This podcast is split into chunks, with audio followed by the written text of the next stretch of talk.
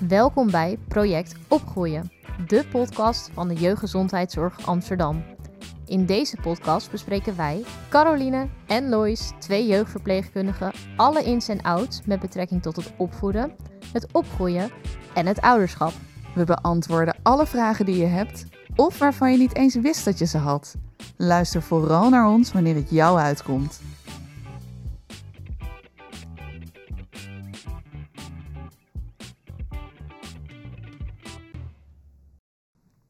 Welkom bij deel 2 van de aflevering Zwangerschap.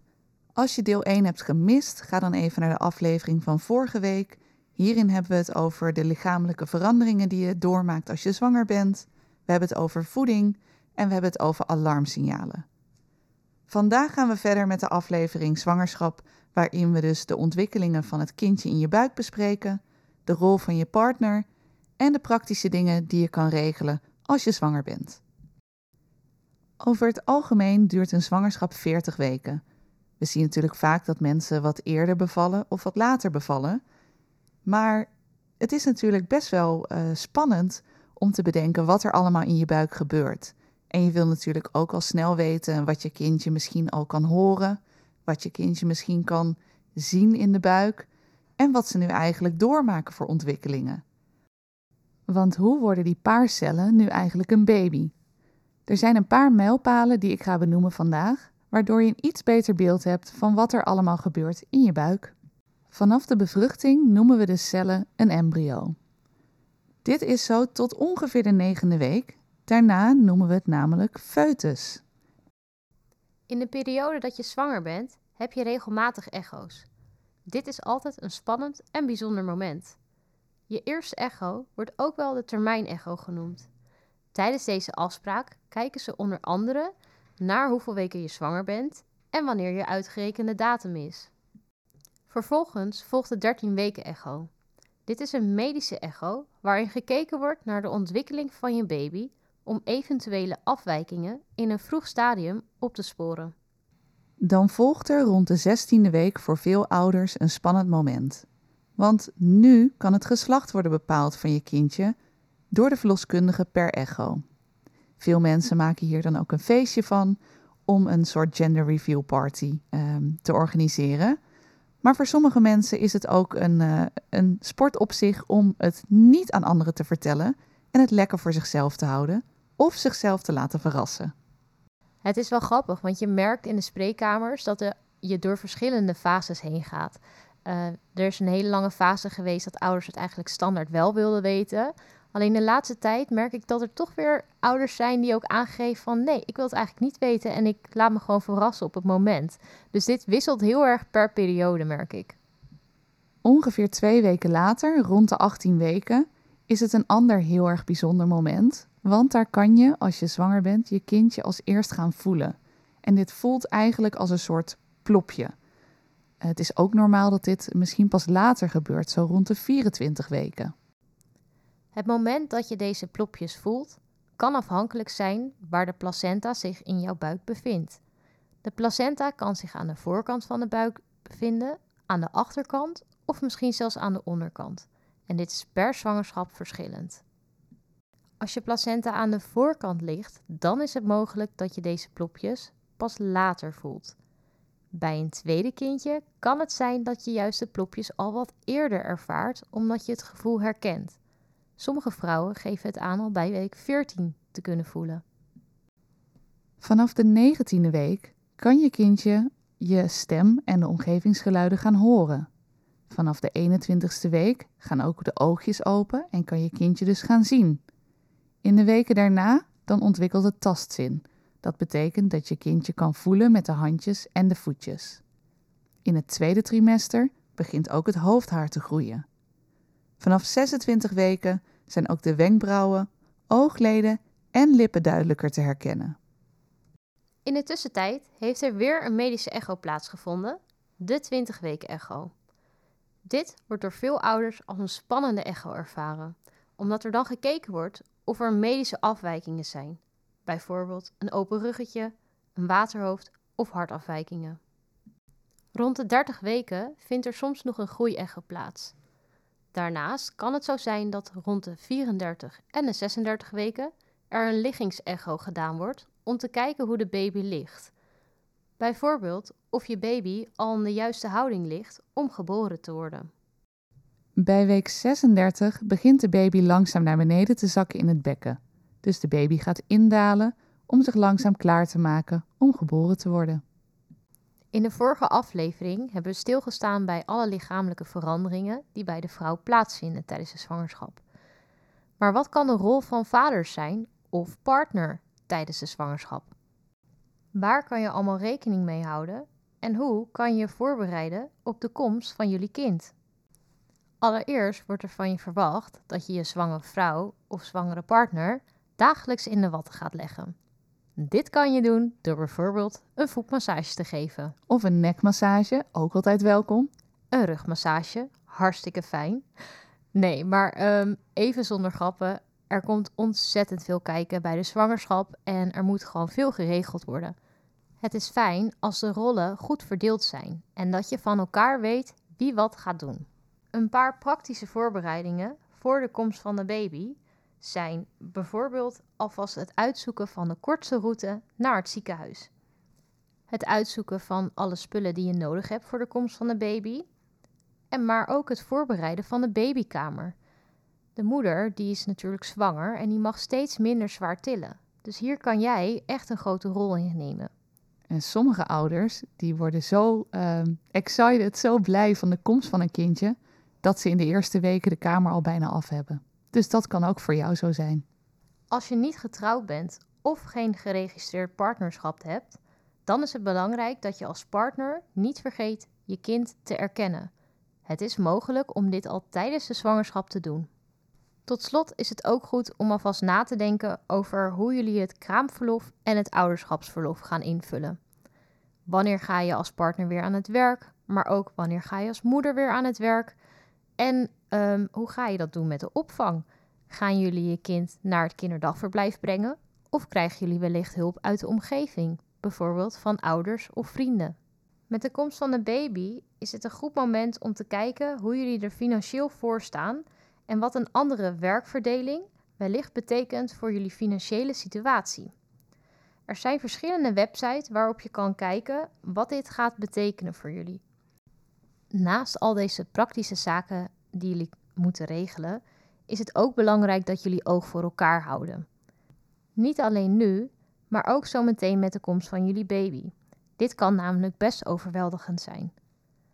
Hoewel alle aandacht natuurlijk logischerwijs naar jullie kindje gaat, is het ook belangrijk om oog te houden voor elkaar. Denk bijvoorbeeld aan het inplannen van een date night. Of vraag eens een vriend, vriendin of familie of ze een paar uurtjes willen oppassen, zodat jullie weer eens samen ergens naartoe kunnen. Een hapje eten, naar de film of misschien gewoon gezellig samen een wandeling maken buiten. Deze week in Feit of Fabel een hele bijzondere stelling. De eerste stelling: je baby plast al in de buik. Dit is een feit. De nieren van je kleintje produceren al vanaf de dertiende week in je zwangerschap urine. En vanaf vier maanden slik je baby vruchtwater in en plast hij of zij dit ook uit. Stelling nummer 2. Als je zwanger bent, moet je ongeveer 1000 calorieën per dag extra eten. Dit is niet waar. Tijdens je zwangerschap heb je ongeveer zo'n 70 tot 300 calorieën extra per dag nodig. Dit is afhankelijk hoe ver je bent in je zwangerschap. Het eten voor twee is dus een fabel. De derde en meest bijzondere stelling van vandaag. Brandend maagzuur tijdens je zwangerschap betekent dat je een baby krijgt met veel haar. Dit is een feit. En je zou het misschien niet denken, maar onderzoek heeft aangetoond dat dit waar is. Een grote hoeveelheid hormonen, oestrogeen en progesteron stimuleren zowel de haargroei van je baby als het ontspannen van de sluitspier van je slokdarm naar de maag, waardoor maagzuur gemakkelijker naar boven kan komen. Wat valt er eigenlijk allemaal te regelen tijdens je zwangerschap? We hebben net al een aantal dingen benoemd, nu nog een aantal praktische zaken. Onder andere de maternale kinkhoestvaccinatie, ofwel de vaccinatie tegen de kinkhoest die je haalt als je zwanger bent. Wat is kinkhoest? Kinkhoest is een heel erg besmettelijke ziekte die wordt veroorzaakt door een bacterie. Deze bacterie maakt namelijk een gifstof aan, waardoor je heel erg moet hoesten. Deze hoestbuien kunnen wel maanden doorgaan. Voor baby's is dit dan ook erg gevaarlijk, want zij kunnen het heel benauwd krijgen en in ademnood komen. Hierdoor kan er zuurstoftekort ontstaan en kan er zelfs hersenbeschadiging of een longontsteking optreden. In het ergste geval kan een babytje zelfs komen te overlijden. Helaas worden er nog zo'n 170 baby's per jaar met kinkhoest opgenomen in het ziekenhuis. Het is zo dat baby's in Nederland wel al een vaccinatie krijgen tegen de kinkhoest. Echter kan dit pas als ze twee maanden oud zijn. Dat betekent dat ze in de eerste maanden na de geboorte nog niet beschermd zijn tegen kinkhoest. En dit terwijl ze dan juist zo klein en kwetsbaar zijn. Nu is er wel een manier om je kind al vanaf de geboorte te beschermen tegen kinkhoest. Je kunt jezelf, als je zwanger bent, laten vaccineren tegen de kinkhoest. Je baby is dan vanaf dag 1 na de geboorte beschermd tegen deze ziekte. Je kunt deze prik halen vanaf de 22e week van je zwangerschap. Vandaar ook de naam 22 weken prik. Maar hoe werkt dit nu eigenlijk? Na de vaccinatie maak je antistoffen aan. Deze antistoffen gaan via de placenta naar jouw ongeboren baby. Hierdoor krijgt je baby voldoende antistoffen voor de eerste paar maanden van zijn of haar leven, totdat hij of zij zelf een vaccinatie krijgt bij drie maanden. Bovendien beschermt deze prik niet alleen je baby, maar ook jezelf tegen de kinkhoest. Waar en wanneer kan je deze prik eigenlijk halen?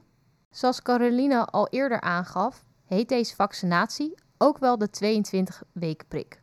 Nou, de reden waarom deze vaccinatie zo genoemd is, is omdat je deze kan halen vanaf de 22e week in jouw zwangerschap tot aan het einde van je zwangerschap, namelijk de bevalling. Het is goed om met de verloskundige even te overleggen wat voor jou een goed moment is om deze vaccinatie te halen. Je kan hiervoor terecht bij een van de verschillende locaties van de jeugdgezondheidszorg. Een fijne bijkomstigheid van het nemen van deze prik is dat je baby al vanaf de geboorte beschermd is en dat hij of zij in plaats van bij twee maanden zijn eerste vaccinatie nodig heeft, pas bij drie maanden van start gaat. Dit betekent dat je baby één prik minder nodig heeft. Er zijn echter een aantal uitzonderingen waarom jouw kindje misschien toch die extra prik moet hebben bij acht weken, ondanks dat jij de vaccinatie in je zwangerschap hebt genomen. Ik zal de twee meest voorkomende voor jullie uitlichten. De eerste is wanneer jouw kindje wordt uh, geboren met een duur van minder dan 37 weken zwangerschap. Dan heeft de prik helaas niet voldoende effect gehad. De tweede uitzondering is dat er minimaal twee weken moet zitten tussen de prik en het moment dat jouw kindje wordt geboren. Als dit niet zo is, zal ook jouw kindje dit keer bij acht weken al starten met de eerste vaccinatie. Naast de maternale kinkhoestvaccinatie is het sinds oktober 2023 ook mogelijk om de griepvaccinatie te halen tijdens je zwangerschap. Deze kan je halen tijdens het griepseizoen en dit is van oktober tot en met maart. Maar waarom zou je als zwangere vrouw nou de griepvaccinatie halen? Dit doe je om jezelf en je baby te beschermen. Een pasgeboren baby heeft namelijk een hoger risico om ernstige gevolgen te krijgen van de griep. Je baby kan bijvoorbeeld erg benauwd worden. Soms worden ze zelfs zo benauwd dat ze opgenomen moeten worden in het ziekenhuis. Als moeder tijdens de zwangerschap de griepprik heeft gekregen, dan heeft de baby direct vanaf de geboorte minder kans om griep te krijgen. En werkt dit dan hetzelfde als bij de maternale kinkhoestvaccinatie? Ja, eigenlijk werkt dit hetzelfde. Dus de moeder krijgt de vaccinatie en dan gaan de antistoffen via de placenta naar de baby. En die beschermen de baby in de eerste maanden tegen de griep na de geboorte. Daarnaast is het niet alleen fijn voor de gezondheid van je baby, maar ook voor je eigen gezondheid. Als je toch griep krijgt, verloopt de ziekte minder heftig dan wanneer je geen vaccinatie hebt gehaald. Zwangere vrouwen met de griep worden vaker opgenomen in het ziekenhuis dan vrouwen met griep die niet zwanger zijn. Daarom wordt de griepvaccinatie nu aangeboden bij een JGZ-locatie bij jou in de buurt. Heb je hier nu vragen over? Stel deze vragen gewoon aan de verpleegkundige als je ook de maternale kinkhoestvaccinatie komt halen. Mocht je de maternale kinkhoestvaccinatie al eerder hebben gehaald in je zwangerschap, ben je natuurlijk ook van harte welkom om later in de zwangerschap ook gewoon de griepvaccinatie nog te komen halen. Er zijn nog een aantal punten die geregeld moeten worden tijdens je zwangerschap, waaronder de kraamzorg. Zodra je baby geboren is, komt er een kraamverzorgende bij je thuis die je een spoedcursus ouderschap gaat geven. Je krijgt onder andere uitleg over uh, advies over de veiligheid, voeding en de verzorging van je kindje. Wanneer moet je dit regelen? Nou, je kan dit het beste regelen tussen de 12e en de 16e week van je zwangerschap, omdat er een aantal kraamverzorgenden werken bij kleine aanbieders en dus maar een aantal ouders per keer kunnen aannemen. Als je gebruik wil maken van een kinderdagopvang, is het al helemaal belangrijk dat je dit op tijd regelt. Een goed moment is eigenlijk zodra jullie weten dat jullie zwanger zijn en dat het hartje klopt, om dit meteen te gaan regelen. Zeker in grote steden zoals Amsterdam is het belangrijk om je op tijd in te schrijven, want er zijn vaak wachtlijsten. En als er dan een plekje vrijkomt, is dit vaak op een dag waarvoor jij je juist niet hebt ingeschreven. Zorg er dus voor dat je je vroeg inschrijft en misschien ook bij meerdere locaties om teleurstellingen te voorkomen. Het is ook verstandig om je werkgever te vertellen dat je zwanger bent. Want zodra je werkgever op de hoogte is van jouw zwangerschap, heb je wettelijk recht op extra bescherming tijdens je zwangerschap. Veel vrouwen kiezen ervoor om dit na de drie maanden termijn te bespreken. Dit geeft jouw werkgever de tijd om vervanging te regelen tijdens jouw zwangerschapsverlof. Het is zo dat je zwangerschapsverlof minimaal vier weken ingaat voordat je uitgerekend bent. Je kan er ook voor kiezen om zes weken van tevoren met verlof te gaan.